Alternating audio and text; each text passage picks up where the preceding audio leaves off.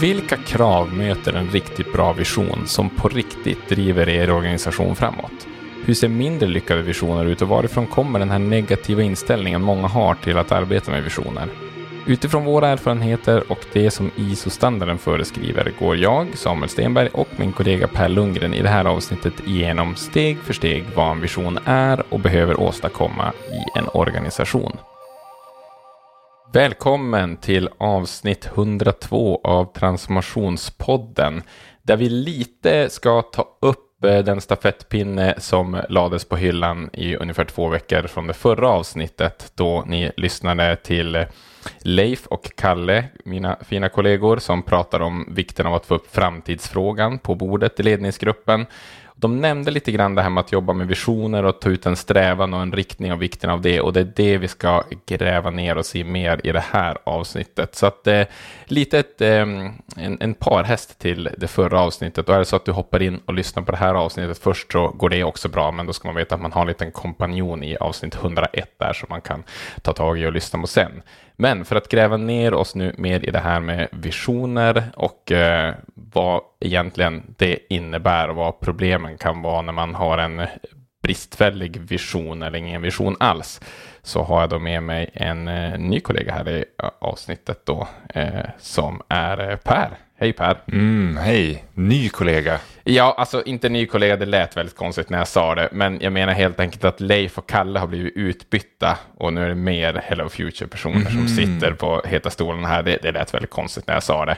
Du är ju, en, du är ju väldigt gammal, är det det du vill att jag ska framhäva här eller? Ja, åldersmässigt börjar jag ju bli det, men mm. eh, 2019 såg jag igår var mitt startår på Hello Future, precis ja. som ditt. Precis, så att du är inte särskilt ny i gamet och definitivt inte heller när det kommer till att jobba med just den här frågan om visioner och att praktiskt vara inne i ledningsgrupper och jobba med den här framtidsfrågan har ju du hunnit göra några gånger nu, så därför vi kände att det skulle vara rimligt att eh, du var här och eh, hjälpte oss att reda ut det här. Och vi har ju pratat om mm. visioner och så tidigare i, i podden, tänker jag, men vi kände lite grann att ja, men vi, vi informeras ju mycket av de poddämnen vi väljer och så där, av det vi ser när vi är ute och jobbar hos kunder och så där. vi kände att men, fasiken, vi behöver nu ett till avsnitt där vi verkligen backar ner till den absoluta fundamenten av vad är ens en vision och så? Eller vad, vad känner du är anledningen att vi sitter här Per?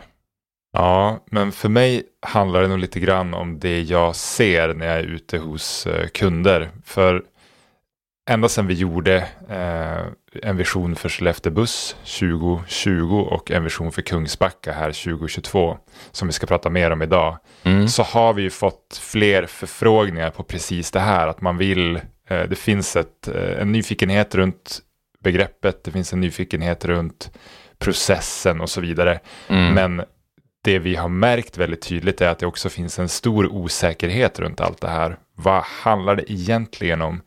Eh, vad är det här med vision och särskilt kopplat till, till innovation och utvecklingsarbete. Så att tanken med det här avsnittet är att försöka förebygga den här osäkerheten, försöka backa tillbaka till kärnan av vad en vision är för någonting. Inte krångla till det för mycket, vilket är lätt att göra när man är intresserad av någonting. Mm. Eh, så att jag hoppas att nästa, nästa organisation som hör av sig har att vi har kunnat höja golvet lite grann. Att man inte behöver vara så osäker på vad det här är och hur det ska användas. Mm.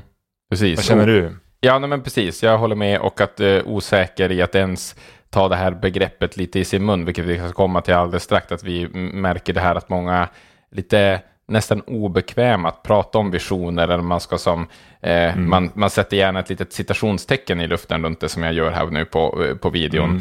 Eh, eller eh, vrider sig lite innan man säger vision och sådär. Det tycker vi är en liten där, någonting vi har observerat som är, som är lite intressant eller som vi tror vi ska gräva lite grann i. Och sen ja, ska och det bara... är mer, mer än, än så också. Utan de senaste tre eh, kunderna som jag har jobbat med det här mm. eh, med har bett om att få använda ett annat ord. Just för att så här, det här kommer inte funka. Antingen kanske inte mot eh, medarbetarna eller mot liksom politiken. Mm. Det är alltid någonting som står i vägen för att man kan säga vision. Ja. Vilket är intressant i sig. Ja, ja det ska vi definitivt uh, försöka packa upp. Och sen vad gäller historiken där, du nämnde lite grann, vi ska få höra senare i avsnittet från Marie Larsson till exempel som är vd på eh, Skellefteå Buss då. Och där var vi inne och började det här arbetet som ju fortsätter än idag. Jag tror visst du hade möte angående deras vision bara igår eller någonting sånt Per. Mm. Så att det, det fortsätter ju verkligen. Och, eh, och det var 2020 då. Men eh, vi har ju jobbat med eh, visionsarbete så långt innan det också. Och hela tiden utvecklat oss där. Så att vi tog ju fram visioner redan som eh, som verktyg. Jag tror så långt bak som 2015, 2016 så jobbade vi mycket med den eh, tekniken och har förfinat det och utvecklat det. Det som hände 2020 då är att då kom ju ISO-standarden som vi ska använda oss eh, mycket av här idag.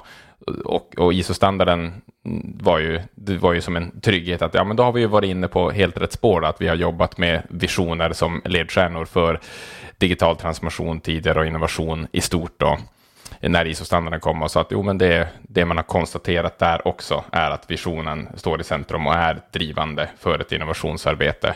Så då har vi ju egentligen bara accelererat det och verkligen använt det som en central kugg i att bygga innovationssystem. Mm. Så det finns ju en, en lång historik av det här och vi, vi utvecklar hela tiden och förbättrar det, hur vi arbetar med det här. Eh, men ska vi gå in på det här med vi kanske ska börja där då, för att vi, vi, kommer väl ändå använda ordet vision här då. Och jag tycker att det är ett argument så gott eh, som något för att använda det ordet fortfarande då när man pratar om det generellt är att ja, det är det begreppet som används i ISO-standarden. Mm. Sen pratar väl ISO-standarden om innovationsvisionen. Eh, mm. Och vi brukar väl prata om visionen generellt. Och vi kan komma till det lite om de här olika begreppen och så och att ha olika typer av visioner så kan ju bli eventuellt problematiskt. Men, men vi kommer använda begreppet vision. Men, men många skyggar ju som sagt då bort från det lite grann. Så vill du börja utveckla lite grann vad du får ha för känsla varför det är så? Du säger att kunder har velat mm. få använda andra begrepp istället för det. Ja, precis. Eh, och det fina med att jobba nära sina kunder så att säga, det är att man kan ta reda på vad det beror på. Och de anledningar som jag upplever som starkast till varför vision är, varför man är lite, eh, man ogärna vill använda det ordet, det är för att det har svärtats ner historiskt inom mm. organisationen. Antingen mm. kan det vara så att man har man har betalat en konsult för att ta fram en vision tillsammans förut, eh, men inte upplevt att den har fått någon praktisk eller gjort någon praktisk nytta i organisationen. Mm. Eh, så det är väl en anledning. Man, man har blivit besviken. Eh, mm. Och det andra är att man, och kanske ännu vanligare, är att man tycker sig redan ha en vision. Mm. mm. Det är ju då vi inte håller med. Och där, eh, där vet jag att du är ju en av de mest högljudda rösterna internt hos oss. Alltså det kan vara kul att titta på någonting som en eh, organisation kallar för vision mm. och ifrågasätta om det verkligen är det. Så mm. vad, vad, vad, vad, är det vi brukar se när, vi, när, de lägger fram en vision och säger att men vi har ju redan det här. Precis, vad är det vi brukar vara högljudd eh, kring? Precis, ja. Eh, det, det, det är många saker, men alltså, jag känner att innan vi då kommer in att det blir här liksom en sorts Samuel och Pers klagan över hur dåliga alla visioner är, så ska vi säga att jag menar, vi har gjort många avsnitt kring det här och nu ska vi sätta oss här och reda ut och vi får se om vi kommer någon vart på en 45 minuter, en timme eller något som de brukar ta i podden. Och jag vill bara säga att det är ganska svårt. Alltså att det är stora organisationer som ska få ihop, man har ett brett uppdrag. Jag menar, du lämnar Skellefteå buss här och det jobbar som är liksom, man bedriver eh, liksom kommunaltrafik och sen jobbar de med att nästan förändra sitt syfte då, vilket är en del av deras vision, vilket är intressant att komma till. Men eh, Skellefteå Buss i det här sammanhanget har en ganska litet uppdrag om man då tittar på att vi tar fram visioner till hela kommuner eller till regioner som har otroligt omfattande verksamheter. Så det är inte lätt där, vill jag bara säga. Så att eh, om man då Men och känner... samtidigt ja. så, alltså visst, det, det, är inte lätt. Men jag tycker också att man kan ställa ganska höga krav på en kommun. Ja. Eh, att faktiskt ha en tydlig bild av vart man ska och kunna förmedla ja. den till både sina medarbetare och människor runt omkring. Så jag tycker inte man ska kunna gömma sig bakom att det är klurigt och svårt, för det finns, och det ska vi titta på i ISO, det finns väldigt tydliga riktlinjer på vad en vision är och vad man ska ha den till. Ja, precis. Eh, och jag tänker att det, det, är väl snarare så att man eh, har man inte de rätta verktygen om man sätter sig och säger men vi vet att vi ska ha en vision och så försöker man Försöker man prata sig fram till det, då eh, är det inte så lätt och då kommer man troligtvis inte att landa i någonting bra. Jag menar, vi har ju en ganska rigorös process som vi har utvecklat också ganska rigoröst vilka krav vi ställer för att det ska vara en, en vision som ska bli så slagkraftig och användbar som möjligt. Men jag vill bara ändå sätta lite sådana brackets som man känner sig träffad. Att det, det kan ändå vara så att på skalan från 0 till 100 så har man man har stråk av någonting som är användbart, det finns en grund, men det går säkerligen också att vidareutveckla och göra någonting ännu bättre. Det behöver inte vara så att om den inte möter vårt ABC som vi ska gå igenom här och specifikt eh, är exakt så som vi ska måla upp här så behöver det inte vara jättedåligt för den sakens skull, men det kan finnas ut, ut för utveckling helt enkelt. Du är väldigt, väldigt eh, nyanserad och eh, trevlig och pedagogisk. Jag tycker sällan att det finns ett stråk av något användbart i den.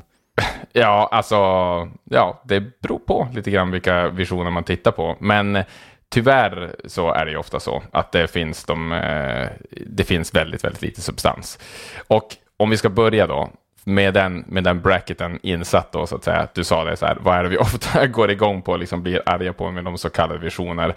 Eh, jag gillar ju det här begreppet Sunday words som jag ofta mm. an, eh, använder och det kommer då från en eh, management-tänkare eh, som heter Richard Rummelt som använt det eh, ofta i flera av sina eh, texter och böcker och sådär. Och vad menar han med Sunday words? Jo, det är ofta sådana typer av stora, fluffiga ord som låter jättefina, men som när man sätter sig och ska göra någon typ av eh, praktisk användning av dem inte betyder någonting. Att eh, vi ska vara vi ska jobba med eh, medborgaren i centrum och eh, alla är inkluderade och i framtiden så är allting hållbart och det, alltså det blir väldigt, väldigt mycket fina ord som, som sagt, det är lite det jag menar att det ni försöker säga i sig är nog inte fel då, att det finns mm, kanske någon, det finns någonting någonstans där bakom som absolut att ni kanske ska sätta medborgaren i centrum. Men bara genom att ha den här stora fluffiga eh, visionsbeskrivningen så tyvärr så är det ingenting som, som hjälper någon. Då. Så att det är väldigt ofta bara en massa fluff och eh, ingen substans. Och då kan man ju packa upp det. Då. Varför har det blivit så?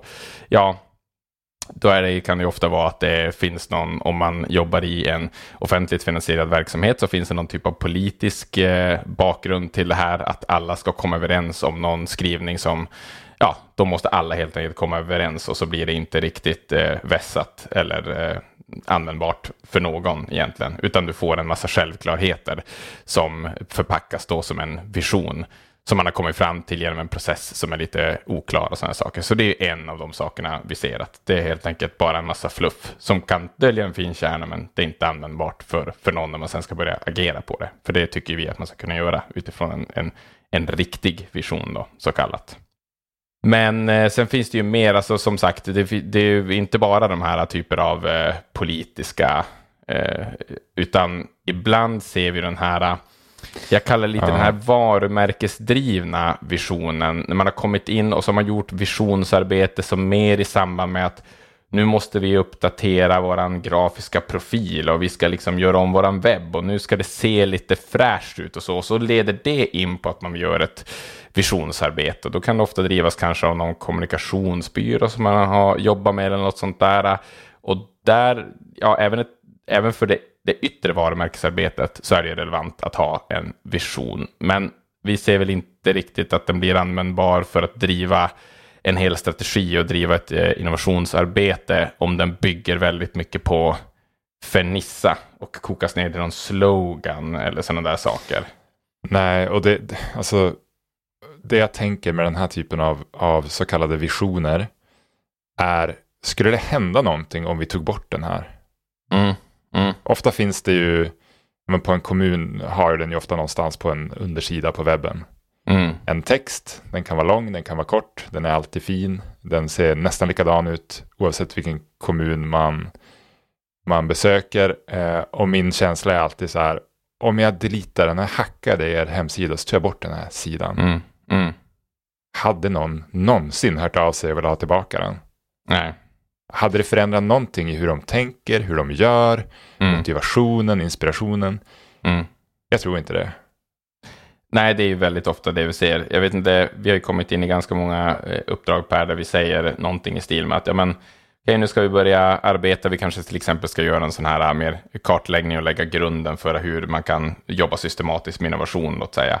Och så ber vi om att få tillgång till och få prata runt och börja titta på men alla dokument och sånt som styr i nuläget. Och så får man till sig det och sådär. Och så är det nästan som att det finns någon så här visioner någonstans som glöms bort i den fasen. Att även fast vi sitter med ledningen och frågar efter vad är det som styr och ni leder utifrån idag, så glömmer man alltså bort att ja, ja just det, och så ligger det, finns, vi har ju en vision där som ligger någonstans. Och då åker ju alla röda flaggor i världen upp och så får man åka på Rusta och köpa mer tyg för, tyg för att höja upp ännu fler röda flaggor. För att det, ja, om, om ledningen sitter där och säger man liksom just det, vi hade också en vision som ligger någonstans på webben, ja, då kan man ju definitivt säga att ja, då menar ni nog att vi kan då helt enkelt bortse från den. För det som egentligen ska vara ledstjärnan, det, det, det liksom skickar ni som en länk, som en liten eftertanke. Och det säger egentligen, ja det säger precis allt. Mm, det säger allt. Sen har vi en annan sak som jag tänkte vi kunde nämna här vad gäller visioner som, eh, om, vi, om vi upprätthåller oss fortfarande vid det här kanske vad, vad som eventuellt har befläckat ordet vision och vad, vad man kan ha för erfarenheter av det. En ganska vanlig typ av vision är ju en vision som helt och hållet är endast en siffra. Eh, vi ser ju ganska mycket sådana här typer av mål, att man ska vara klimatneutral till vissa år eller något sånt här. Jag tror att Sverige har väl någon sån där också på det stora hela, att det ska vara klimatneutralt 2035 eller någonting. Och, eh, väldigt vanligt i kommuner är ju att man har mål om antalet invånare och då har man visionen om 200 000 eller en miljon invånare år, någonting, någonting. Mm. Och så är det på något sätt den, det är den helt och hållet bärande grejen. Som jag tror att vi kommer komma in på lite grann, så är mål är ju inte alls dumma. De är till och med helt och hållet essentiella att sätta ut mål och så. Men de måste ju vara kopplade till någonting och målet är inte visionen. Och att man har då någon vision som helt och hållet upphängd på ett mål, men du har inte klätt på det med någonting runt omkring det, då blir det helt eh, meningslöst. Ja, och sätter vi den här typen av visioner när AI kommer att utföra mer och mer av eh, arbetet för oss, eh, det är då det kan bli riktig katastrof. Säg att, man, att vår vision är att vi ska bli en miljon invånare i Umeå, där vi sitter, mm. år mm. 2030. Ja, vad är det då som säger att vi inte kan kidnappa 920 000 personer eller vad som nu behövs för att nå mm. det målet. Mm. Och transportera hit dem. Det, det, det, liksom, det finns inte i någon kontext, det säger ingenting om någonting viktigt. Alltså det vill säga hur ska det se ut i framtiden när det är bra? Mm. Vad är mm. önskvärt? Ja, och jag skulle vilja nästan säga det här är till exempel då, nu, och nu bor vi båda i Umeå, så att nu är det Umeå som får bli exempel här. Jag tror att det här finns, för här, nu lyfter jag bara generella exempel ur hatten. Eh, vilken kommun man än lyssnar i så tror jag att du kan gå, gå och gräv på er webb, så hittar ni säkert något sorts befolkningsmål eller någonting någonstans och förpackat mm. under visionsfliken på webben eller något sånt där.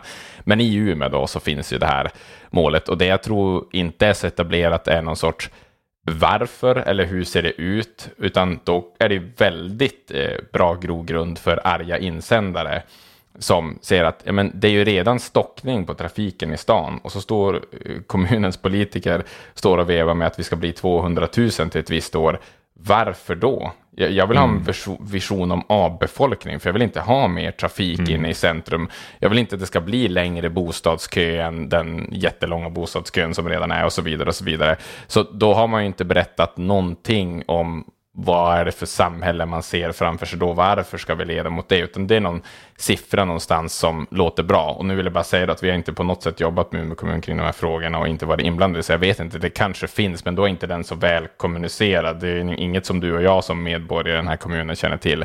Och jag tror att eh, det är långt ifrån så att Umeå kommun är ensam om det här, utan det behöver helt enkelt kopplas till eh, någonting eh, eh, konkret. Vi har ju sett som sagt flera kommuner som har olika ambitiösa mål kring klimatneutralitet eh, till exempel då också. Man sätter olika år och sen ska allt vara borta då och så, men så har man inte berättat någonting kring det. Hur ser det mm. ut? Alltså, vad, vad, är... Du har satt en, en, en mål eller en, en mätpunkt, men det finns ingen eh, ja, det finns ingen större bild av vad det är man ska uppnå. Då är det väldigt svårt att arbeta utifrån på det sätt som vi ser att man, man måste göra. Ja. Okej, okay, ja, men toppen. Det känns som att vi har, vi har om inte ringat in problemet så har vi, har vi breddat liksom bilden lite grann av vad det är som gör att det här med vision kan vara svårt och knepigt. Mm. Och tittar man eh, läser man ISO, pratar man med experter på innovation och utveckling och förändring så inser man ju också hur otroligt viktig visionen är för att åstadkomma förändring i rätt riktning. Så mm. det är ett mm. väldigt, väldigt stort glapp mellan hur viktigt det är och hur ovanligt det är att det finns på plats idag i de organisationer vi har insyn i i alla fall. Mm. Mm. Så då är det tur att vi har ISO, att vi kan backa tillbaka till den och faktiskt nu då tydligt packa upp den. Mm. Mm. Och, och, för, för liksom, det är en standard som, där har det suttit experter från olika länder med enormt mycket samlad erfarenhet av förändring, utveckling, innovation. Och kokat ner det bästa av det bästa av det bästa till det mest praktiskt användbara för oss som ska göra innovation. Och det är den här mm. standarden. Mm. Och där finns, eh, där finns det en punkt som behandlar innovation, eh, innovationsvisionen. Mm. Så vi, vi packar upp den tycker jag. Ja, absolut. Och eh, ja, när man börjar, det är ju helt enkelt hur många punkter det finns. Eh, det finns från punkt A till och med punkt F mm. eh, dokumenterat. Säga, precis, vi kan säga att det finns en liten eh, förtext till det där man säger att jag, läser den på engelska precis som den är, den förtexten. Mm. Top management should establish, implement and maintain an, innova an innovation vision that. Och sen kommer det en massa punkter som då eh, förklarar vad den ska vara för ja. någonting. Men i just den här beskrivningen som du sa där innan så tror jag inte det är så stora oklarheter då, utan men vi kan ju konstatera att det är top management, alltså det är absolut högsta ledningen i vilken organisation du än eh, sitter på. Så att säga, så att om man tänker att ja, men det är vi, vi är innovationsledare här ute på vår på utvecklingsavdelning, någonting vi ska ta fram en innovationsvision, så kan man säga att ja, det, den måste vara förankrad från den allra högsta ledningen, om det är upp till vd eller direktör eller kommunledning eller vad det då är. Eh, det, det, inget annat funkar och det, ja, vi behöver inte packa upp den, men du kan inte sitta och ha en vision som drivs av en del av bolaget helt enkelt utan att ha ledningen med. Det kan vi helt enkelt spika fast. Ja, vi Finns... behöver inte spika någonting, vi behöver bara förhålla oss till vad ISO säger. Eh, jag tänker att en vision kan absolut födas vart som helst i organisationen, men som du säger så kommer det inte fungera så som det är tänkt om inte ledningen anammar det och skapar rätt förutsättningar för det. Mm, mm, precis. Mm, och sen har vi då eh, de eh, sex punkterna eh, som definierar upp vad en vision är. Jag kan ju dra igenom dem då. Vi har gjort lite sammanfattande. Det är inte ett långt kapitel det här som kokar ner vad kärnan i en innovationsvision ska vara då. Men eh, vi har ändå gjort en nedkokning av den väldigt kärnfulla nedkokningen som ISO redan är. Men vad ska den här innovationsvisionen vara då egentligen? Jo, den ska A. Beskriva en strävan. Och vi ska packa upp alla de här, men jag tar dem i ordning. B. Den ska vara medvetet ambitiös, utmana status quo och inte begränsas av nuvarande kapacitet. C. Den ska guida i strategiska val. D. Den ska kunna kommuniceras internt för att inspirera medarbetare att sluta upp bakom och arbeta mot visionen. Och E. Den ska kunna kommuniceras externt för att stärka organisationens rykte och attrahera relevanta partners eller talanger till exempel. Och sen har vi punkt F och det är helt enkelt att den ska finnas dokumenterad och, och tillgänglig. Det kan inte vara någonting som eh, ligger i en skrivbordslåda hos de som sitter i ledningen och så är den inte tillgänglig mm. för alla som vill komma åt den. Då. Och nu kan man alltså ta de här punkterna som du just läste upp och testa mot sin egen vision och se om den håller. Ja, det, det kan man ju göra. Och det är väl egentligen väldigt mycket det som vi intuitivt gör som du sa när vi eh, kommer ut och sen så reagerar man och säger att vänta, vänta, vänta, vänta här. Den här. Det som ni visar upp som er vision här behöver nog, behöver nog lite mer jobb. Vi måste packa upp betydligt mer. Eh, och vi har väl egentligen inget annat än att göra än att börja från, från A här. Att mm. det absolut översta rubriken är vad, vad är en vision? Jo, det beskriver en strävan. Och den ska måla upp organisationens roll i framtiden och på något sätt hur man påverkar sin kontext, alltså samhället i, i, i stort i, mm. i framtiden. Då.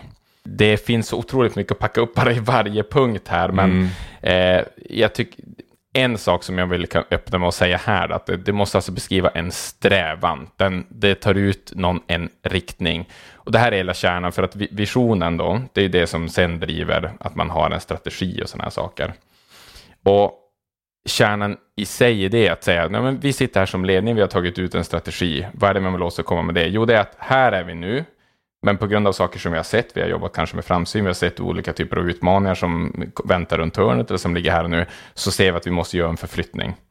Så att vi måste alltså, vi är här nu, men vi ska någon annanstans. Och hur ser det här någon annanstans ut? Det är det som är vår strävan då, så att det kan ligga till grund för en faktiskt en, en riktning. Eh, och det, det, är väldigt viktigt, för att då återigen ser vi ibland visioner som det är väldigt, väldigt oklart. Uppfyller inte ni redan det här idag? Eller vad är liksom riktningen? Vad är den stora förändringen när man tittar på den här mm. visionen som har skett? Det är egentligen bara att det är samma som idag fast allt är mycket finare eller allt är bara helt enkelt mycket bättre. Men vad, vad är liksom den centrala förändringen som den här visionen målar upp? Så redan här på A så tycker jag att eh, man inte riktigt ser vad är den tydliga strävan, alltså förflyttningsriktningen för er organisation. Att visionen svarar, faller redan där på A. Mm. Ja men precis, och A och B hör ju väldigt tätt ihop. Mm. För B säger ju att okej, okay, det ska vara en strävan och i ordet strävan hör ju vi att det är någonting man måste anstränga sig för att nå.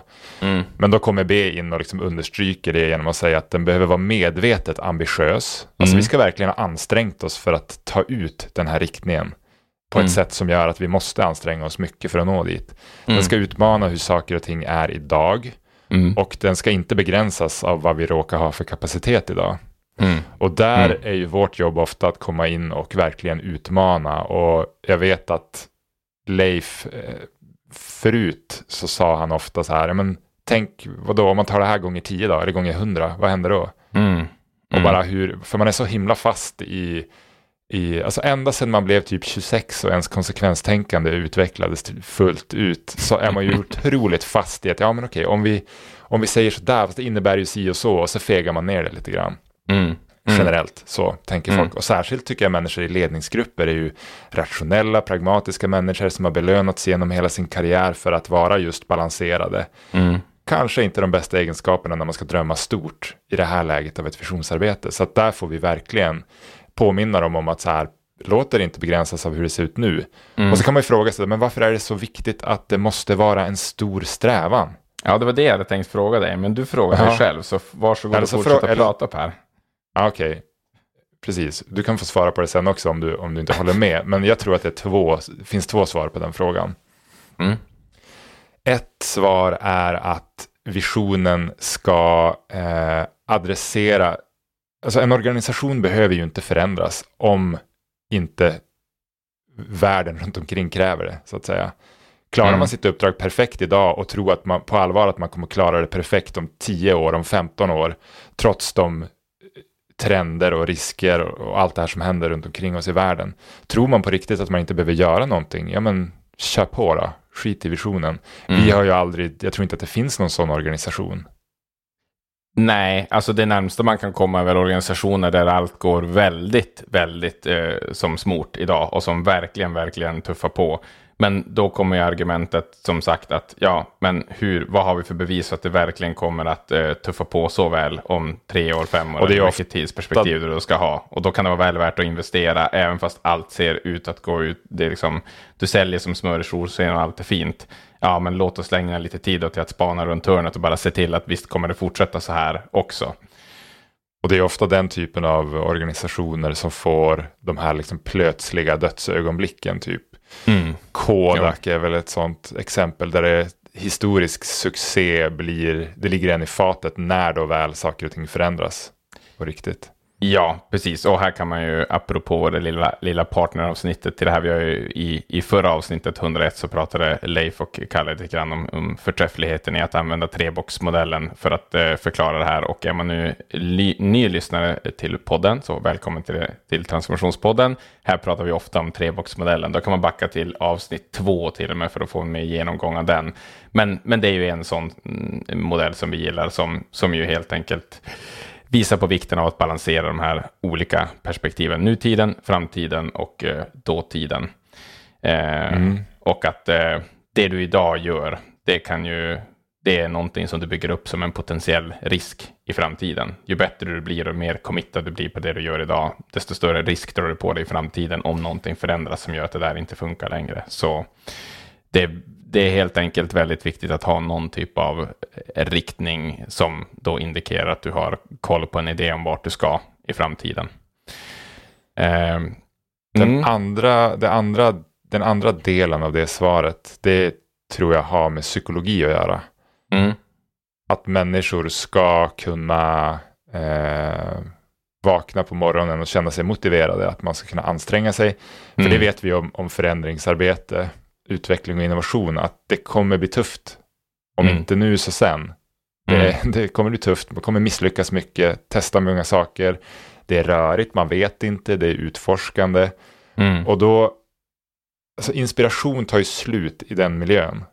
Man ja. kommer behöva drivas av, det måste brinna någonting i bröstet på många mm. människor. Mm. Eh, mm. så att precis, psykologi, alltså man behöver, eh, det, det, strävan behöver vara stor för att man ska få den energi man behöver i teamen. Mm. För, att ta, för att ta sig framåt. Sen är det inte lika viktigt att, att man tar sig, alltså, jag tror väldigt få tar sig till exakt den strävan man har målat upp här. Och det är inte det som är poängen. Det här ska ju vara ett draglok in i framtiden, en magnet, mm. en riktning. Vi vet inte exakt vart vi ska, utan, men vi vet åt vilket håll ungefär. Ja, Nej, men det är ju en jätteviktig poäng som du får in där. Eh, och eh, ett sånt litet missförstånd som vi ser ofta händer. Alltså att och, det tror jag är anledningen då att man ofta landar i de här jätteluddiga, fluffiga Sunday Words-visionerna, där allt är jätteluddigt och inte riktigt betyder någonting. För då har du heller inte riktigt behövt bestämma dig för hur det ska bli i framtiden, så att säga att det är det man är rädd för. Man håller sig borta från det genom att hålla det väldigt luddigt och säger bara att helt enkelt i framtiden så har vi våran värdegrund men vi levererar tio gånger bättre på den och allt är jättehärligt så. Och, mm. och då ryggar man tillbaka för man tänker att för om vi blir konkretare än så då är det ju som att vi har sagt ett facit på hur framtiden ska bli, som att vi hade en spåkula och det är ju absolut inte det heller vi säger, utan jag skulle beskriva det snarare är det ju en det är mer som en idé om att så här skulle det kunna bli, det är ditåt vi strävar, men du har absolut inte som ledare sagt att det är så det, det kommer att bli. Men vi strävar mot någonting och sen så har vi ju då som sagt innovation och vi har ett, vi utforskar oss fram i den riktningen och det informerar våra val och som sagt det styr våran, det styr våran strategi. Men för att överhuvudtaget åstadkomma en, en rörelse så kan man inte beskriva ett läge som bara liknar det idag eller som är ett jättelitet kliv framåt. För det kom, då, då öppnar du inte upp ett gap där det kan, där det kan åstadkommas någon, någon rörelse. Men, men jag tycker att det är nästan bättre, eller det är definitivt bättre för att åstadkomma de här sakerna. Att vara snäppet lite för konkret, lite för kanske provokativ. Att man tittar organisationen och andra samarbetspartners tittar på den här äh, strävan som man målar upp och så bara oj då, jaha, va? Tänker ni så? Oj då, ja, det, det, har jag mycket tankar på, men det var intressant i alla fall. Okej, okay, fortsätt. Hur ska ni ta er dit då? Alltså, det är mycket mm. bättre än de här fluffiga sakerna som inte säger ja, då, någonting. Nej, och jag menar, man hör ju på ordet vision. Det är någonting man ska kunna se framför sig. Mm. Mm. Ja. Nej, så jag, jag, det, det, det, måste helt enkelt, det, vad kan man, hur kan man sammanfatta det? Det här A och B som står i, så det matchar ju helt enkelt våran erfarenhet i alla fall, att är det inte något som är medvetet ambitiöst, som verkligen tydligt utmanar nuläget och eh, släpper, släpper sargen från begränsningar idag och verkligen visar ett, ett, något helt nytt i framtiden, då kommer mm. det inte åstadkomma rörelse, det kommer inte Nej. bli ett draglok för innovationsarbete. Det, svår, det svåra här är ju att lyckas man ta ut en strävan så behöver den ju utöver att vara ambitiös och så vidare, utmanande, så behöver den ju också vara önskvärd. Och den behöver vara önskvärd utifrån de risker man står inför idag. Den behöver vara realistisk liksom lite grann. Mm. Vad är det vi står inför och hur, hur ser det ut i framtiden? Ja. När vi, alltså, hur ser det ut när det är bra i framtiden? Mm. Men då med hänsyn till vad vi faktiskt står inför för utmaningar. Så ja. det, det, är ju det är en del grejer som ska in i det där för att det ska ja. bli bra. Så ja, det är verkligen. svårt. Ja, alltså där, uh, packar du, eller där öppnar du upp en ny dörr som jag känner att den måste vi också springa in i. Och uh, det skulle vi nästan ha uh, haft i den här första delen av vad gäller problem, erfarenheter av dåliga visioner.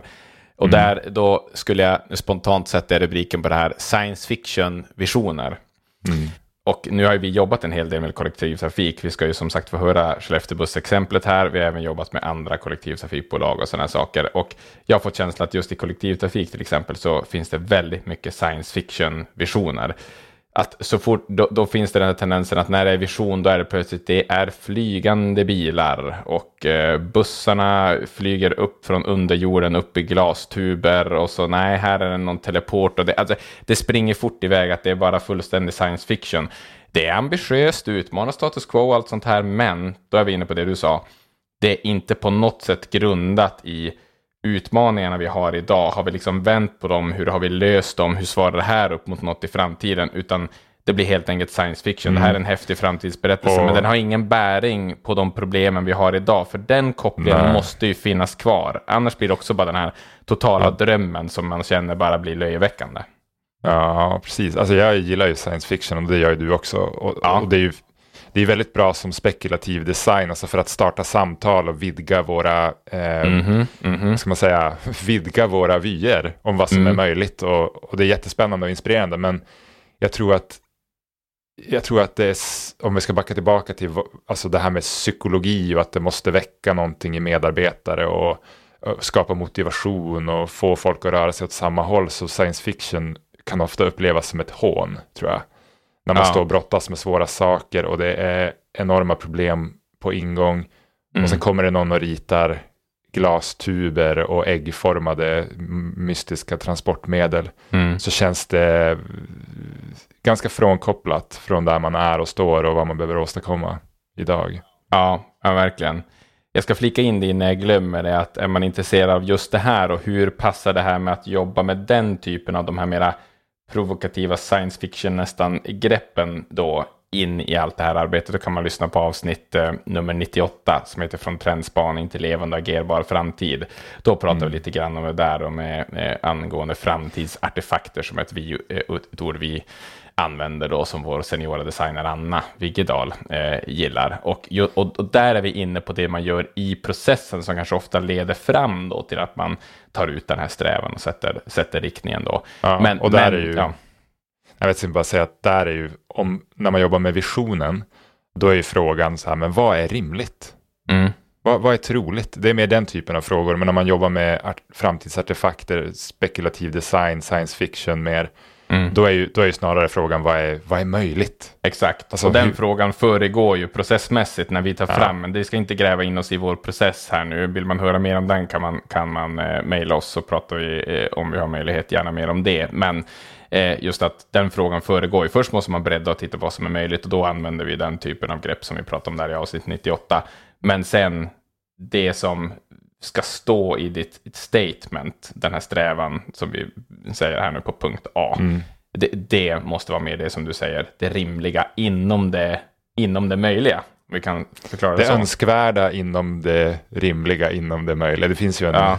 visualisering här någonstans som ligger och väntar. Ja, precis. Vi har ju till och med en sån som, eh, ja, det passar sig inte att beskriva visualiseringar i podd, men vi kanske kan fixa något extra material eller någonting på box 3 som, som visar upp den Futures Cone som vi är lite inne på att beskriva här, eller så googlar man upp den framtidskonen. Mm. Eh, Okej, okay, men har vi packat upp nog här nu på A, alltså att eh, visionen, kärnan i den är att beskriva en strävan där man har målat upp sin roll i framtiden och påverkan på samhället. Och sen så B, den ska vara medvetet ambitiös, utmana status quo och inte begränsas av, av nuläget. Vi har inte tagit något exempel. Ska vi låta våra gäster göra det i klippen sen eller?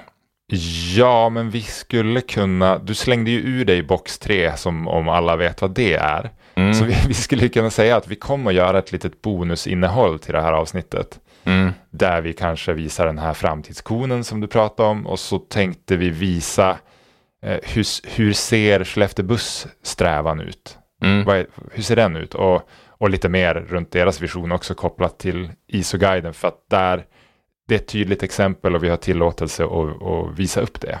Mm. Och hur, vill du redan nu berätta hur man gör det eller ska vi ta det i slutet om man är intresserad av det här? Ja, man kan gå in på box 3, box 3 med siffran 3, .academy, så kan man skapa ett gratiskonto. Då kommer innehållet att eh, finnas där, men vi kan också ge mer instruktioner där i slutet. Men då håller vi lite på det och så fortsätter vi genom våran eh, mm. ABC-checklist här då. Men som sagt, man kan få ett exempel senare från hur det här ser ut på Skellefteå buss. Då är vi framme på C, att eh, den ska guida i strategiska val. Mm. Så då har man alltså en strävan, man har, den är ambitiös och så vidare, den utmanar hur saker och ting är nu. Mm. Och dessutom ska den kunna guida en i strategiska val. Mm. Hur ser det ut när det fungerar, tror du? Ja, nej, men som det ser ut när det fungerar, det tycker jag att det har vi sett ganska tydligt framför oss när vi är inne och eh, styr upp eh, det här mer systematiska innovationsarbetet som håller över tid. Att eh, visioner som man då kommer tillbaka till igen och igen och tittar på, som man använder som de blir verkligen ett verktyg. Att ska vi göra det här eller ska vi göra det här? Ska vi investera i det projektet eller investera i den? När man då faller tillbaka till, men vänta här, här, här borde vi ju egentligen kunna bara guidas av vad vi sagt att vi vill, var, i vilken riktning strävar vi? Och då ska man kunna sitta där och faktiskt se, ja men ska vi, in, ska vi investera i det här nya systemet, att liksom byta ut det och det kommer bli ett mångårigt projekt och sådär, eller ska vi göra en eh, annan typ av insats, vi ska låta det vara och så gör vi liksom lite inspirationsföreläsare för att höja peppen eller något sånt där. Nu, nu hittar jag på ett generellt mm. exempel här, men då ska man kunna titta på det här och säga, vänta den här, vi har ju faktiskt redan fattat det här beslutet egentligen. Alltså vi har tagit ut en riktning och det ska kunna guida oss. Det är inte ett facit till strategiska val, för det måste du ändå göra i stunden hela tiden och din kontext förändras och sånt. Men som sagt, det guidar i de här valen. Och mm. känn, sitter man i den situationen som jag nu hittar på och målar upp här och känner att men vänta, den här våran vision, den kan ju inte alls guida oss i sånt, utan allt faller in under den. För i framtiden så ska vi vara 200 000 personer och allt är mega härligt i vår organisation eller kommun. Ja, då, då ser vi ju precis där när vi kommer till C, det är precis därför det inte funkar att ha sådana luddiga visioner, för att det guidar inte, det blir, leder inte till att det blir enklare att ta beslut, utan det gör det bara antingen svårare eller det hjälper helt enkelt. Det liksom har inte förändrat någonting vad gäller att ta beslut och då har man inte en vision som är som är tillräckligt bra. Så att du, du ska kunna fatta beslut utifrån den här. Annars är, det ingen, annars är det absolut ingen poäng. Nej, och det är ett bra stresstest för ens vision att när man sitter där på innovationsmötet eh, och ska prioritera mellan ett antal idéer eller projekt. Eh, har man då hjälp av att titta på visionen eller inte i det arbetet? Och har mm. man inte det, då, då är det någonting som saknas mm. i visionen. Tydlighet oftast. Ja. Och jag vill understryka igen det här att det inte är ett facit. För att som sagt, du, du kan inte ha det som facit. Det, finns, det har alltid ett ganska stort mått av utforskande. Det som innovation handlar om, att vi utforskar oss fram och så testar vi någonting och ser om det verkar leda i den riktningen. Och så. Men om du tänker att du står på en punkt eh, och så kan du ta dig i alla riktningar. Alltså du har 360 graders rörelsefrihet. Det är lite så det är att inte ha någon, att inte ha någon riktning. Du, du kan helt enkelt inte, du har ingenting att eh, ta dina beslut utifrån. Då kommer du troligtvis att falla tillbaka på att du tar beslut från historiken. Du fortsätter helt enkelt med samma, eller det som bara känns mest naturligt utifrån där du är nu, så fortsätter du bara med exakt samma sak. Då leds du också av någonting, men det är ungefär som att ha din strävan kommer från dåtiden och du bara gräver ner dig där du står. Så det är väl det allra vanligaste då. Men ja. står man då och har den här 360 rörelsefriheten, det är för mycket. Men en riktning, det smalnar ju av det här till att det inte är en exakt linje, ett facit vi ska följa. För som sagt, visionen säger ju inte exakt hur framtiden kommer att bli. Men det smalnar av det till att det är liksom ett, jag vet inte, ett 30-40 graders fält kanske, att det är ungefär ditåt. Så då har vi sållat bort ganska mycket mm. av det mm. vi skulle kunna göra. Och så utforskar vi oss inom det och så gör vi någonting och det visar sig att nej, det varit lite snett eller ja, det här verkar lovande, då tar vi ett steg till och så vidare. Men vi har ja. den här riktningen som tas ut. Ja, men det är en bra mental bild, den där ringen. Och då kan man kanske också tänka sig att man stoppar in alla team och alla medarbetare innanför den ringen. Mm. Eh, och så om man då inte har tagit ut den här riktningen så kommer ju folk att springa åt olika håll. Och då ja. kommer man, efter att de har sprungit så kommer man se liksom fotspår åt alla möjliga håll, fast ganska kort tror jag. Och mäter man eh, sträckan som alla har tagit sig så blir den väldigt lång sammantagen, men den är utspridd åt så många olika håll att det blir ingenting. Skulle mm. man ha riktat den energin åt ungefär samma håll skulle man ha kommit ganska långt, troligen. Ja, exakt.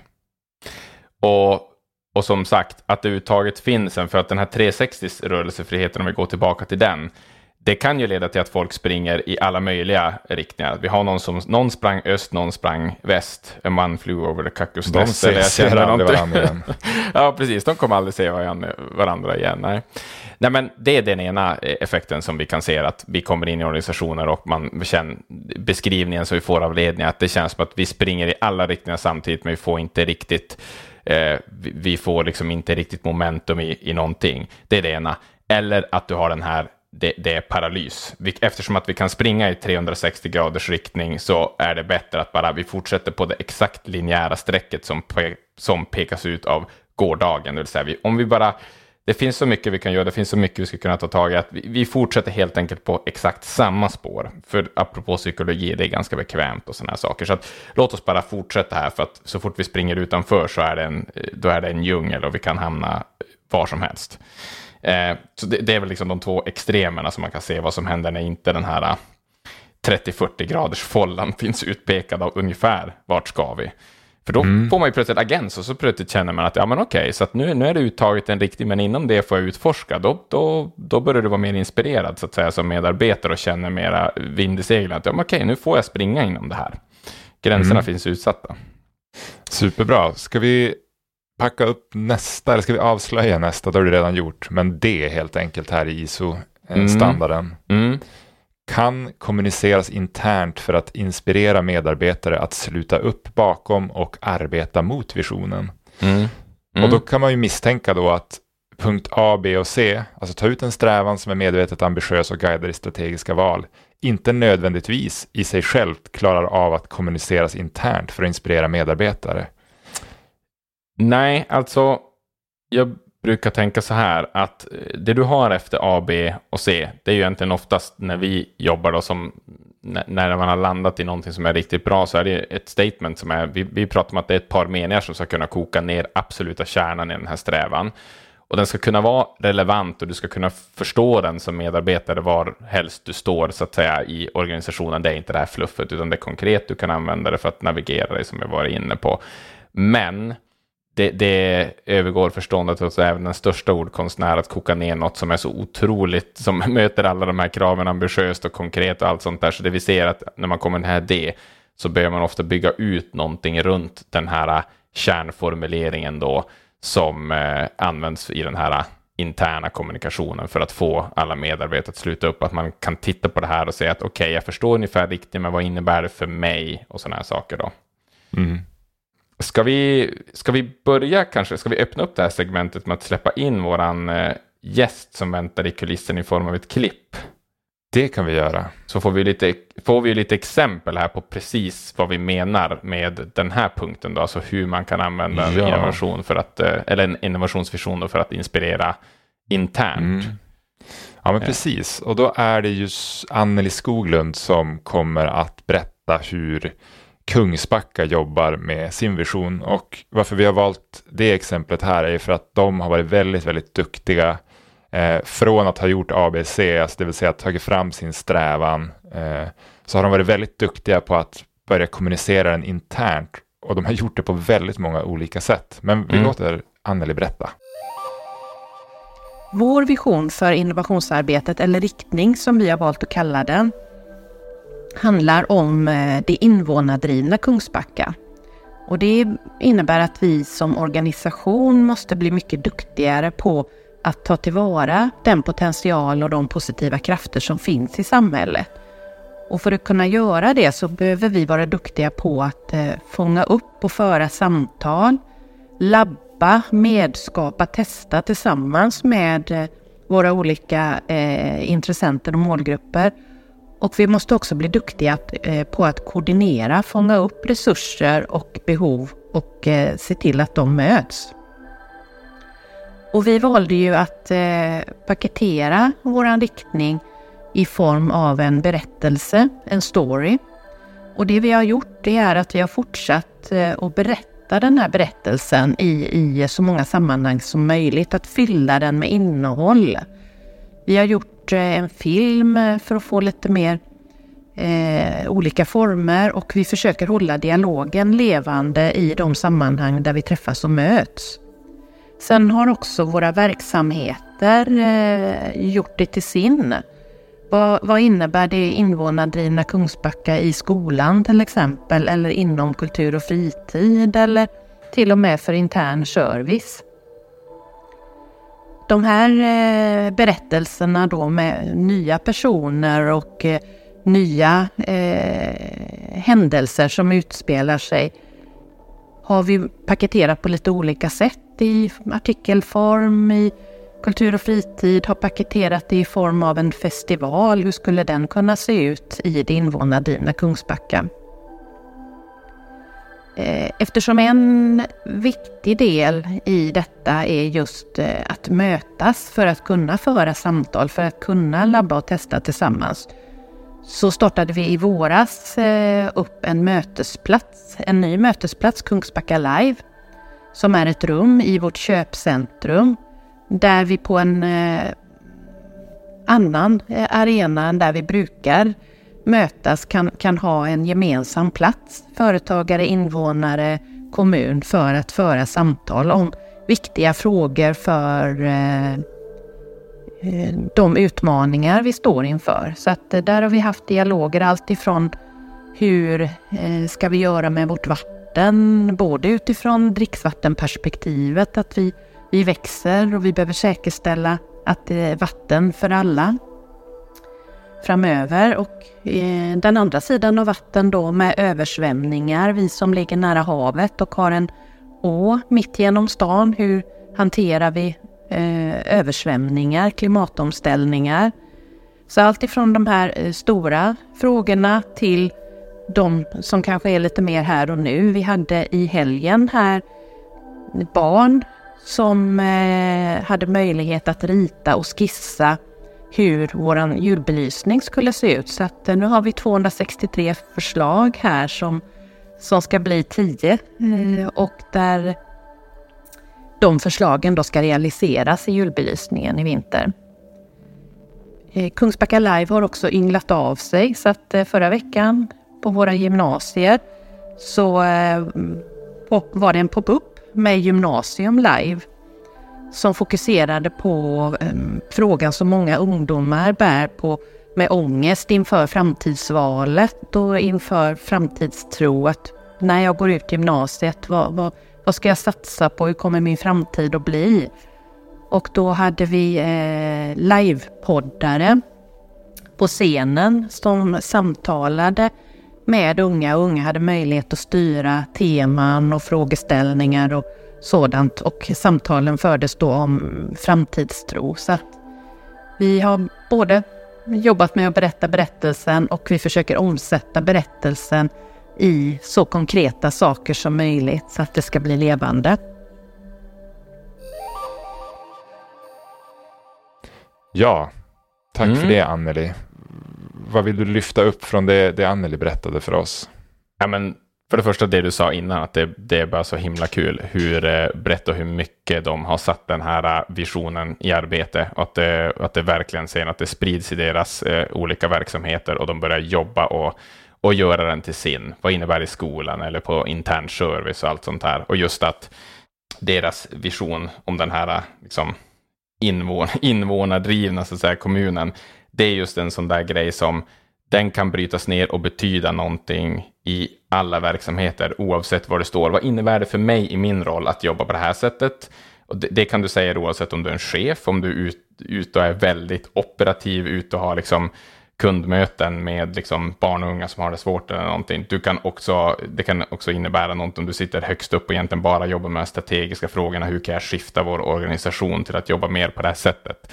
Så det är verkligen eh, jättebra och kul att höra att det arbetet har en sån himla, himla energi. Ja, och jag tycker också det är häftigt att eh, det finns några olika saker som är häftiga. Dels att de att väldigt många får vara med och berätta de här berättelserna. Mm. Att man, man omsätter strävan till olika berättelser. Mm. För vi vet att berättelser är väldigt kraftfulla när det kommer till att påverka människor. Vi har alltid berättat berättelser. Det är det verktyget vi har. Mm. Det spelar ingen roll hur mycket fakta vi har. Eh, saknar vi berättelser så, så är det som att det inte spelar någon roll. Vi behöver det för att förstå och sense-make av saker och ting. Mm. Och det är de duktiga på. Eh, de låter sina olika verksamheter göra den här strävan till sin. För Mm. de vet bättre än ledningsgruppen vad som behövs för att deras medarbetare ska bli motiverade. Mm. Eh, Mm. och att de försöker omsätta berättelsen i så konkreta saker som möjligt så att den ska bli levande. De experimenterar, de, de bygger ett rum i ett köpcentrum där man ska prata om olika saker Mm. kopplat till det här. Det, det pågår sjukt mycket intressant så vill man inspireras av det här så tycker jag man ska titta mot Kungsbacka faktiskt.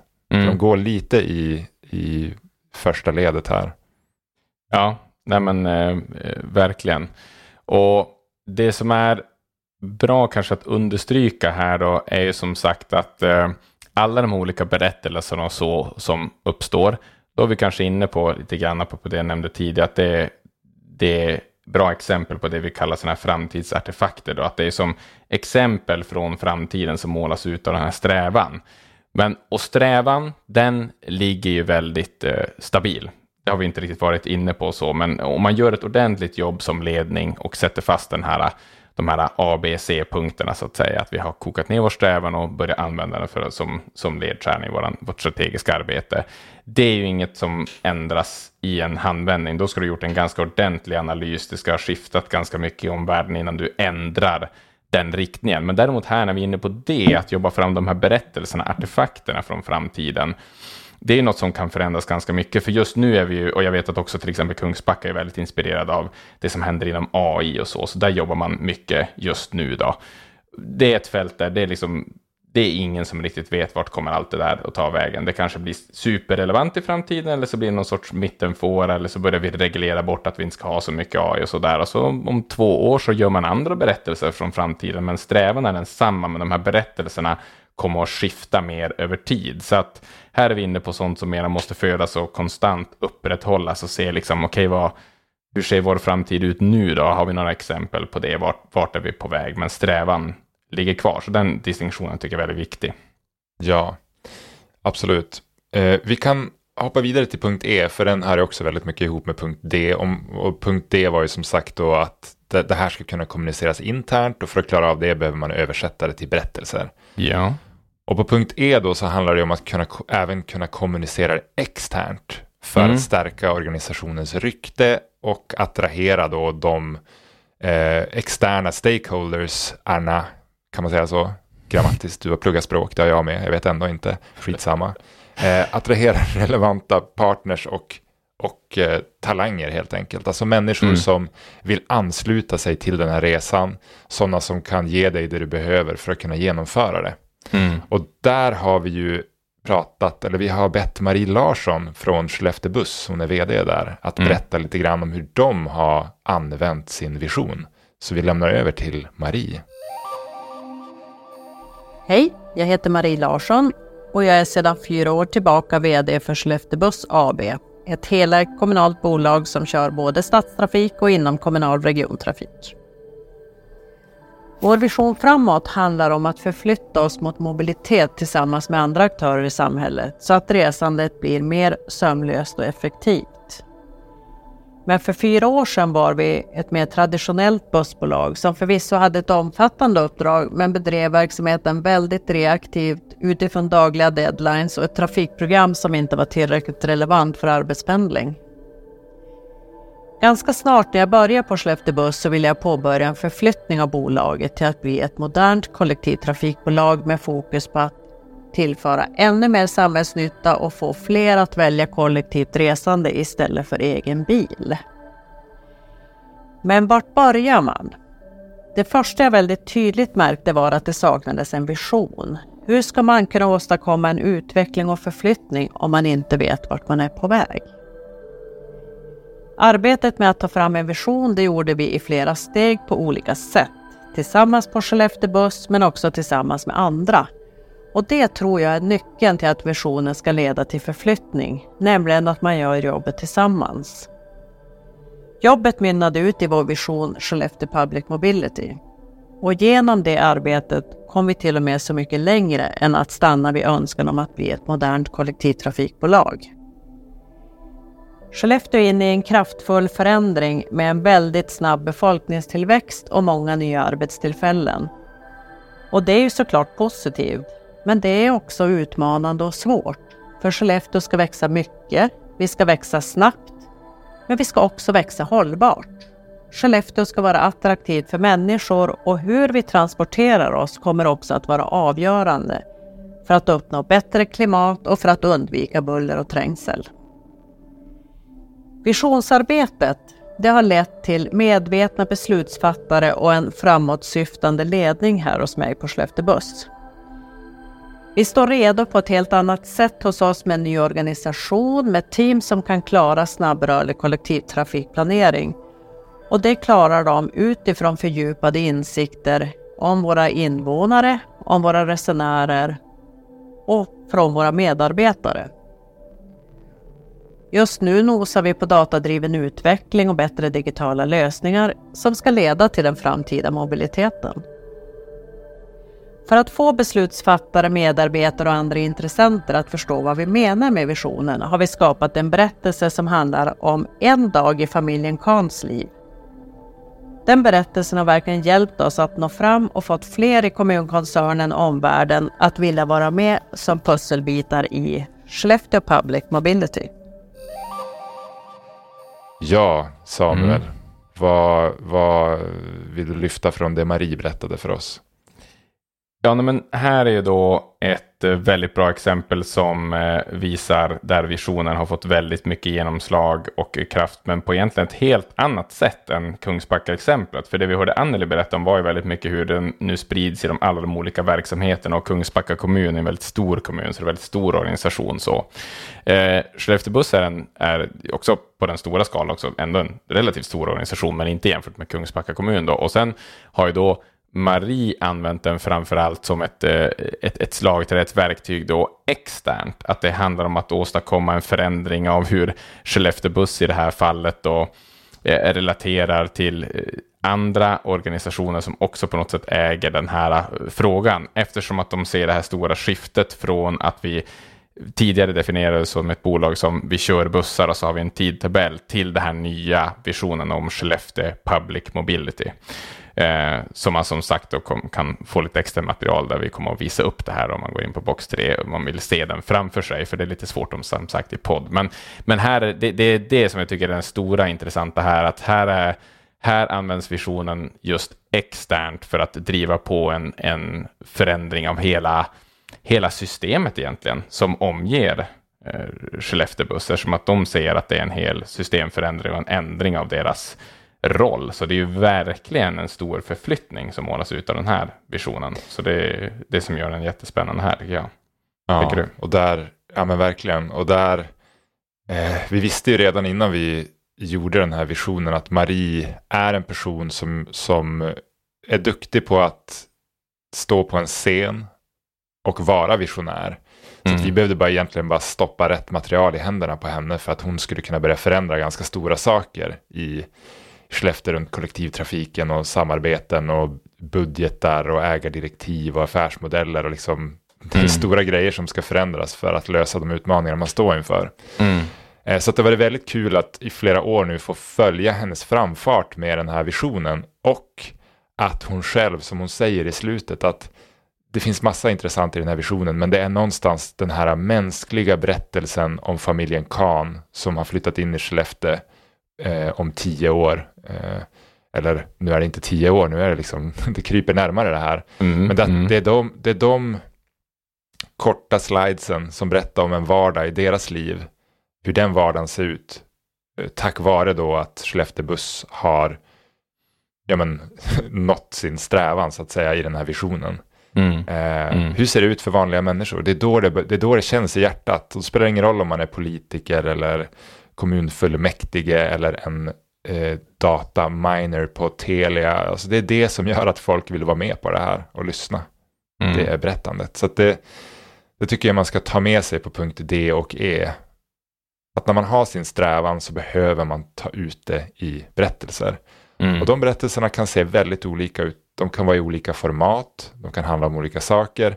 Eh, och där behöver man ju förstå, vad är det vi, vem är det vi vill få att göra vad? Vem mm. är det vi ska påverka med det här? Mm. Eh, mm. så har man, har man gjort, när man har tagit fram sin strävan så kommer man ju till den punkten att man behöver förstå det och sen ta ut det här i, i, i berättelser som både, både Kungsbacka och Skellefteåbuss har gjort på jättefina sätt, men med lite olika, de har haft lite olika behov av berättelser från början. Mm. Ja, nej men verkligen. Och då att då också inse att då kan det vara lite olika saker. Apropå det här, alltså bara för att igen understryka det här, vad, vad, separera på vad det är som ligger fast och vad som kan förändras över tid. Att strävan är ju densamma, den är, eh, spänner, över hela, den spänner över hela organisationen och den är sett från allra högsta ledning. Men sen vad innebär det för oss internt? Då kan man komma det här medskapandet in och så skapar man nya berättelser som hela tiden omsätter och håller den här strävan levande. Och sen externt då, det kan ju även i olika syften externt. Du kan ju ha att du jobbar väldigt visionsdrivet. Eh, apropå det här med eh, varumärkesdrivna visionsarbeten då, som vi nämnde tidigare, som är mer i den här problemsektionen. Och det, det vi menar problemet med det är egentligen när man helt och hållet låter det driva det måste vara förankrat helt centralt för hela organisationens strategi, vad, vad, visionen är. Det kan inte komma från ett varumärkesarbete där man inser att vänta, vi måste attrahera fler anställda, så vi måste ha en ny vision. Då blir det att man driver det helt och hållet utifrån den här punkt E. Utan du måste ha en grund som kommer från något annat, från det strategiska arbetet, men sen så ska den yttra sig då i den här punkt E. Att, och det är ett väldigt mm. vanligt användningsområde som vi, som vi ser idag, eftersom att det är många som har problem med kompetensförsörjning. Hur ska vi klara den och bli en mer attraktiv arbetsgivare och sådana där saker?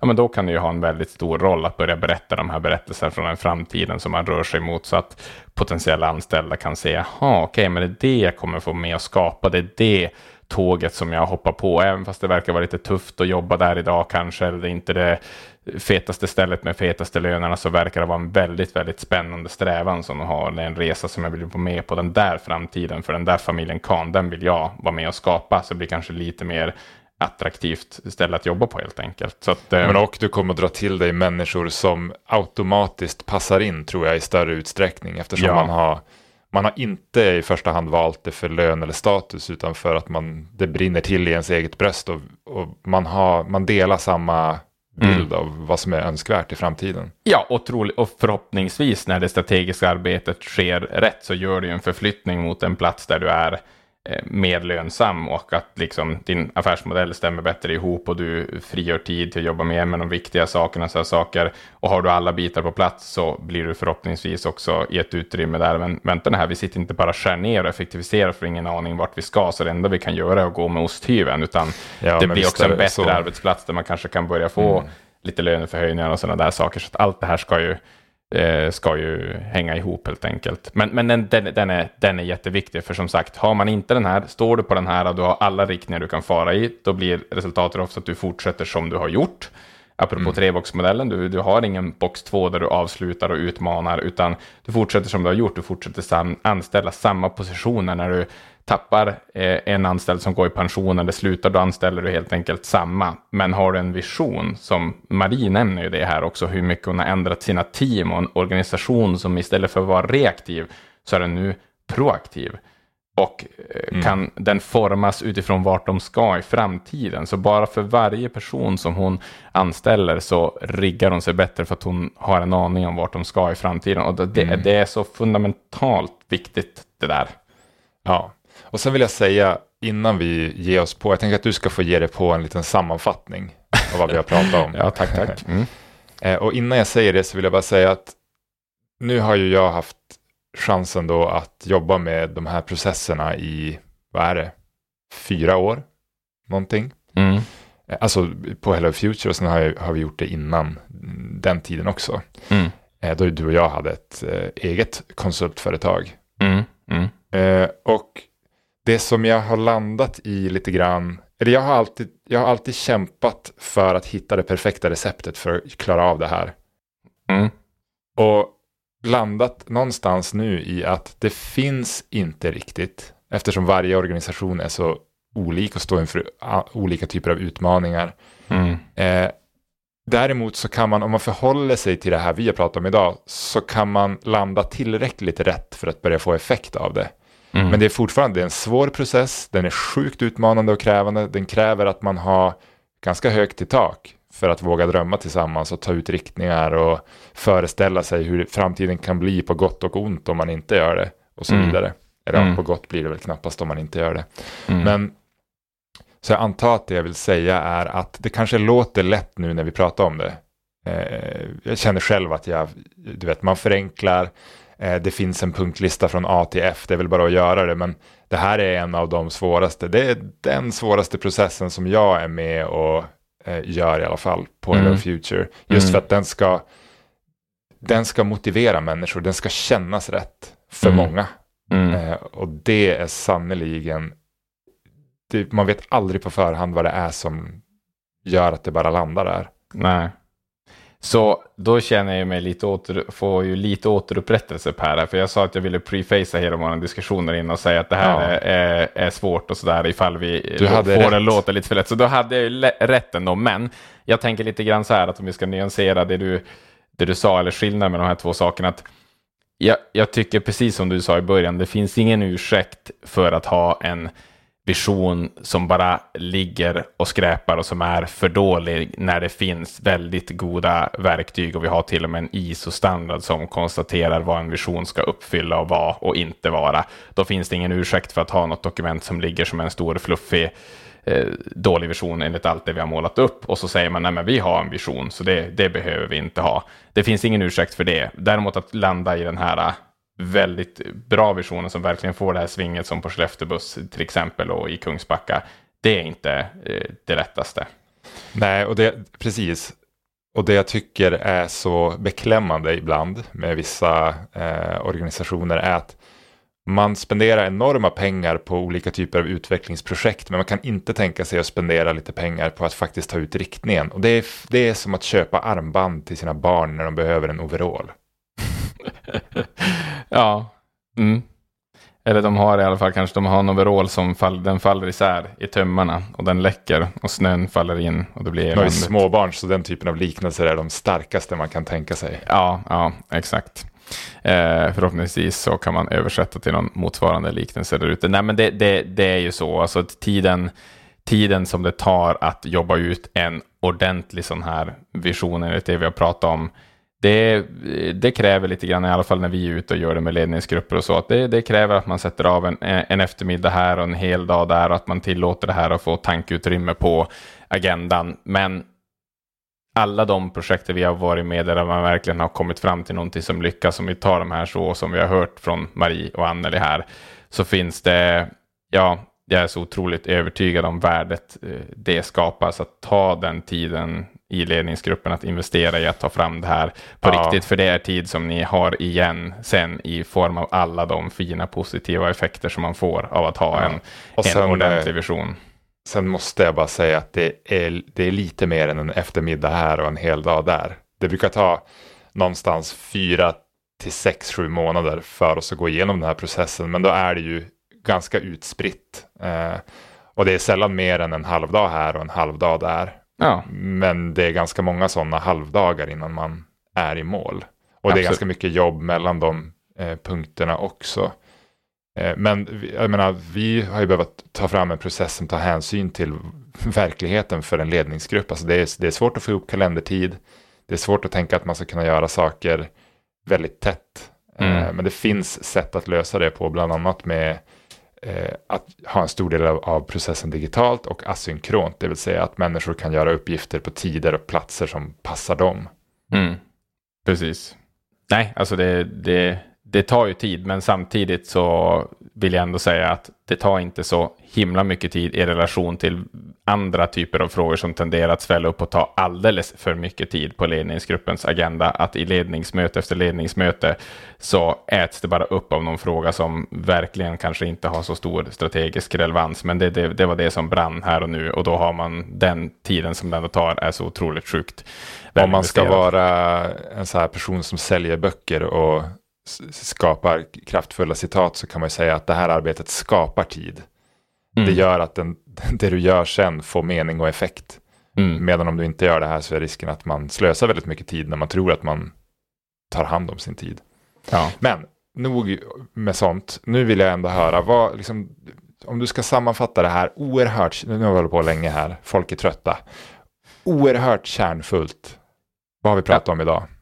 Det vi har pratat om idag, det är ju eh, de ganska få men väldigt eh, kärnfulla olika huvuddelar som en verkligt användbar vision som får effekt ut i organisationen som verkligen skapar förflyttning och hjälper att ta beslut vad den ska bestå i. Och då har vi pratat om det här att kärnan i visionen är en formulering, en, en kort och kärnfull sådan som beskriver en strävan, som beskriver i relation till nuläget, vart ska vi röra oss i framtiden, beskriver en ny roll. Den är relevant från var vi står idag, men beskriver någonting ambitiöst som vi ska eh, skapa i framtiden. Och det är kärnan och sen kan man ta fram berättelser hur det här yttrar sig internt för att förankra den internt och låta varenda medarbetare göra det till sin och förstå vad det här innebär för mig, den här nya riktningen. Och man kan även jobba med det externt. Då. Eh, och det är ett arbete som ska pågå över tid, nya berättelser som hela tiden inspirerar och rör oss framåt samtidigt som strävan ligger fast och eh, guidar och hjälper ledningen i vartenda strategiskt beslut därefter. Så att när man väl har tagit besluten runt sin strävan, då som du var inne på där, då har man köpt så mycket tid i det att nu har man redan på förhand, brukar jag tänka, fattat ganska många beslut som sen eh, som liksom, du inte behöver sitta och tröska igen och igen, utan nej, vi har redan beslutat vad vår riktning är, så att nu har vi det här 30-40 graders avsmalnade fältet och inom det så ska vi utforska oss till framtiden. Det finns ingen ursäkt, skulle vi också vilja säga då, att, att inte börja titta på det här så att våga lyft, öppna den där byrålådan, öppna den där mappen eller fliken på webben och titta på den visionen jag har idag. Bara, utifrån det Per och Samuel pratade om där, finns det utrymme för att förbättra och ändra i det här? Och då vill jag bara säga att då kommer vi ofta in. Och så finns det så här, nej men vet, den där visionen, den är, den är redan satt och den ska gälla till 2026 eller den är politiskt antagen och sådana saker. Använd inte det som en ursäkt heller. Det vi ofta har gjort då är att man, då kan man ta fram någon sorts, okej, okay, så låt oss inom den här politiska visionen, som ofta är en sån här fluffig, bred och stor, kan vi göra en konkretisering av den? Då? Vi ändrar inte, utan vi tar fram ett steg till som är det riktigt användbara, det vi kan jobba med ute i organisationen. Vi liksom gör det här första steget av att konkretisera visionen för oss. Använd inte det som en ursäkt till att inte göra någonting, att det ligger något klubbat som ingen får röra fram till 2027. För är inte det användbart för er utifrån det vi har pratat om, då, då måste ni skaffa er något som är användbart i så fall. Så mm. det, det, är väl kanske ett, ett sista medskick, att det finns alltid något man kan förbättra och, och göra runt det här. Så eh, vi har ju vi har ju sagt att det ska finnas lite bonus, bonus, bonusmaterial. Du sa att jag inte fick använda ordet bonus. Så nu sa du det tre, tre gånger. gånger. busigt, busigt. Mm. Eh, ja, men jag nämnde det i tidigare avsnitt, vi kan väl säga det igen då, att våran kunskapsplattform om innovation, eh, Box 3, Eh, där kan man skapa gratiskonto och man kan också bli betalande medlem. Då får man tillgång till exakt allt där, hela härligheten. Men om du går in och börjar med att skapa ett gratiskonto på box3.academy, då behöver du bara fylla i din mail och så är det bara att logga in. Då finns det bland annat nu då som eh, en del av gratisinnehållet, ett, ett bonusinnehåll. Det är tydligt uppmärkt. Transformationspodden 102 bonus Skelleftebuss. Så vad får man se lite grann i den videon då? Då kommer man äntligen få se framför sig det vi har pratat om som exempel och som Maria pratat om där. Då. Ja, men jag tänker att jag ska försöka skapa en förlängning av det här avsnittet där vi kan faktiskt titta på vad vi menar. Mm. Vad betyder punkt A, B, C, D, E i den här eh, standarden och hur ser det ut när man mm. har tagit ut det. Mm. That's it. Ja, och du säger nu i tid att du ska försöka skapa, men ja, jag har inte gjort det här än. Nej, men i, när du kära lyssnare lyssnar på det här, då Nej. har det här skapats. Och jag kan säga att om det är fantastiskt. Ja. Eh, om, om det inte har skapats, då har vi redan klippt bort det här Per, så då är allt det här förlorat i tiden. Mm. Eh, så det är det som är det fina med att, eh, med att det här inte är live helt enkelt. Men eh, det tycker jag är en bra slutpunkt. För att få något bra exempel så hoppa in och kolla på den grejen så får ni se det lite mer konkret framför dig vad, vad det är vi pratar om här. Och vill man ha vidareutveckling och sånt där så kan man mejla då till per.hellofuture.se eller samuel.hellofuture.se så ska vi eh, så fort vi har möjlighet försöka reda ut lite mer frågor och så om ni tycker att vi har sagt saker som är lite oklara och, och, och så där eller som ni vill ha mer exempel och inspiration kring så gör vi gärna det när vi har möjlighet. Det gör vi. Tack för att vi fick eh, prata om det här så länge. Det känns viktigt och kul. Ja. Eh, nu nu ska jag spela in den där videon som jag har lovat. Ja, då är det bäst vi stänger av så att du får göra den så, så amazing som jag, som jag utlovat. Men tack kära lyssnare för att ni har lyssnat och eh, på återhörande nästa gång i Transformationspodden. Och så tack till dig Per också, det här var ju kul. Tack själv, ha det fint. Hej då. Hej då.